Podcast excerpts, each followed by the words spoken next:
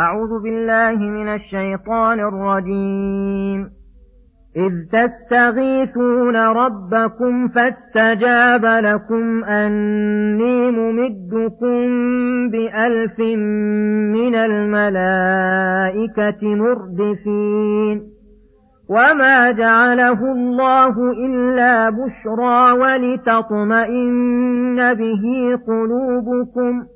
وما النصر إلا من عند الله إن الله عزيز حكيم إذ يغشيكم النعاس أمنة منه وينزل عليكم من السماء ماء ليطهركم به وينزل عليكم من السماء ماء ليطهركم به ويذهب عنكم رجز الشيطان وليربط على قلوبكم وليربط على قلوبكم ويثبت به الأقدام إذ يوحي ربك إلى الملائكة أني معكم فثبتوا الذين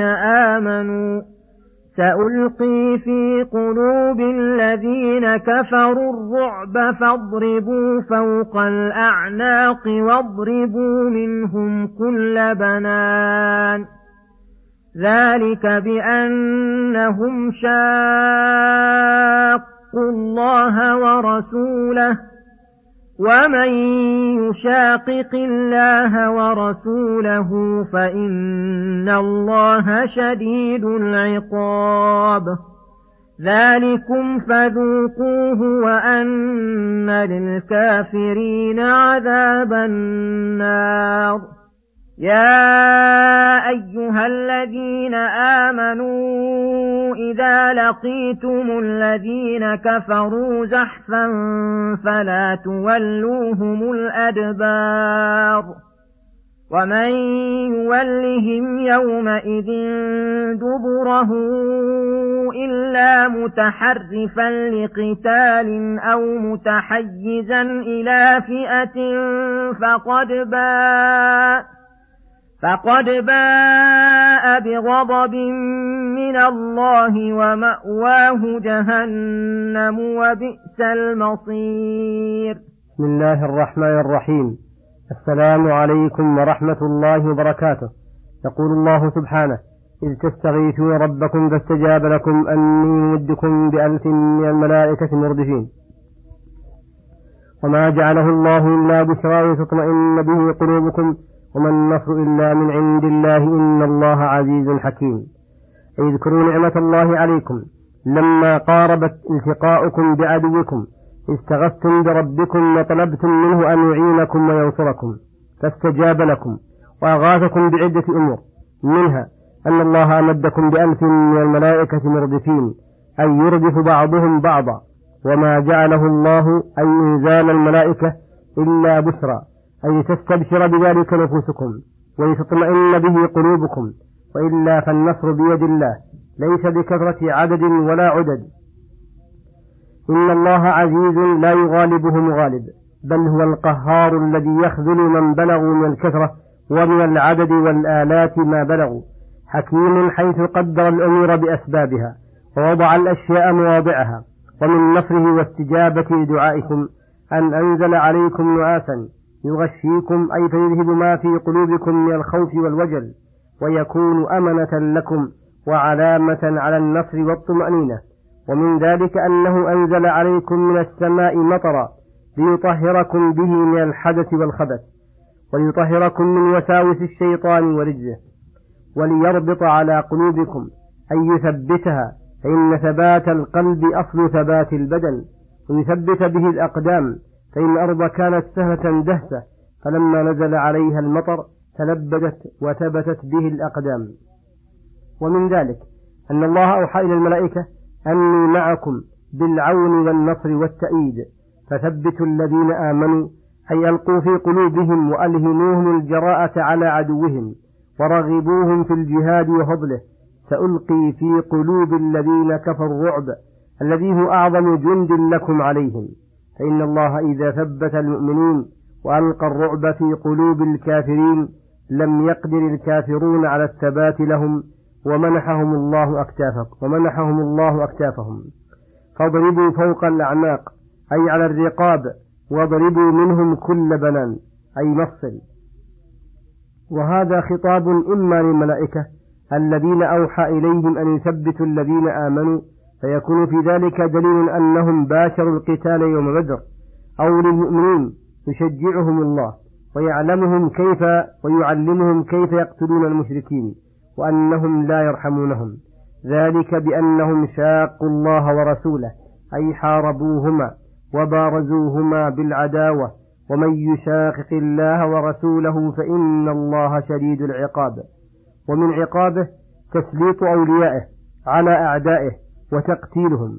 ذلكم العذاب المذكور فذوقوه أيها المشاققون لله ورسوله عذابا معجلا.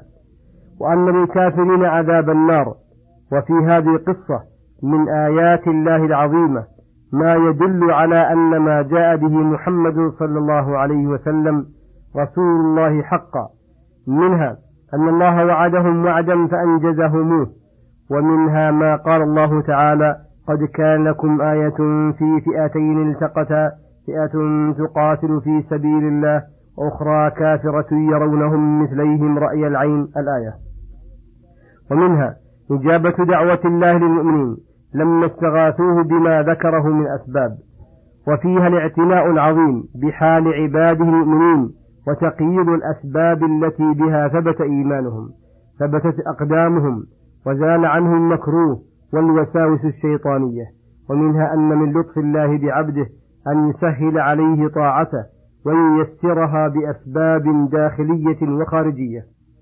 ثم يقول سبحانه يا أيها الذين آمنوا إذا لقيتم الذين كفروا زحفا فلا تولوهم الأدبار ومن يولهم يومئذ دبره إلا متحرفا لقتال أو متحيزا إلى فئة فقد باء بغضب من الله ومأواه جهنم وبئس المصير.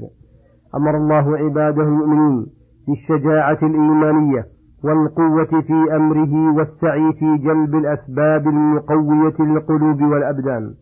ونهاهم عن الفرار. إذا التقى الزحفان فقال يا أيها الذين آمنوا إذا لقيتم الذين كفروا زحفا.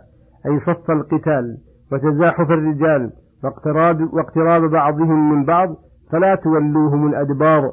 ليثبتوا لقتالهم.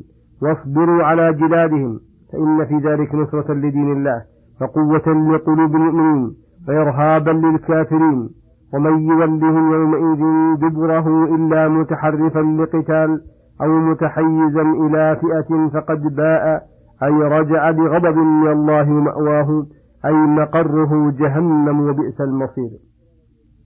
وهذا يدل على أن الفرار من الزحف من غير عذر من أكبر الكبائر كما وردت بذلك الأحاديث الصحيحة وكما نص هنا على وعيده بهذا الوعيد الشديد.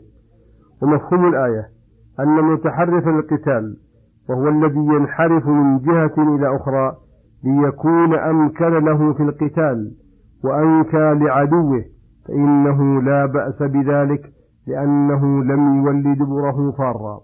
إنما ولى دبره ليستعلي على عدوه أو يأتيه من محل يصيب فيه غرته أو ليخدعه بذلك أو غير ذلك من مقاصد المحاربين.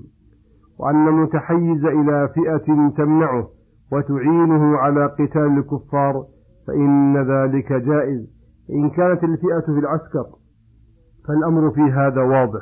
إن كانت الفئة في غير محل المعركة كانهزام المسلمين بين يدي الكافرين والتجائهم إلى بلد من بلدان المسلمين أو إلى عسكر آخر من عسكر المسلمين فقد ورد من آثار الصحابة ما يدل على أن هذا جائز ولعل هذا يقيد بما إذا ظن المسلمون أن الانهزام أحمد عاقبة وأبقى عليهم.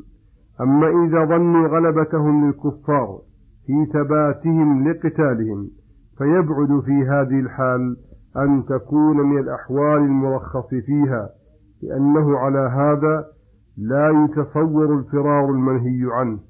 وهذه الآية مطلقة وسيأتي في آخر السورة تقييدها بالعدد وصلى الله وسلم على نبينا محمد وعلى آله وصحبه أجمعين. إلى الحلقة القادمة غدا إن شاء الله. والسلام عليكم ورحمة الله وبركاته.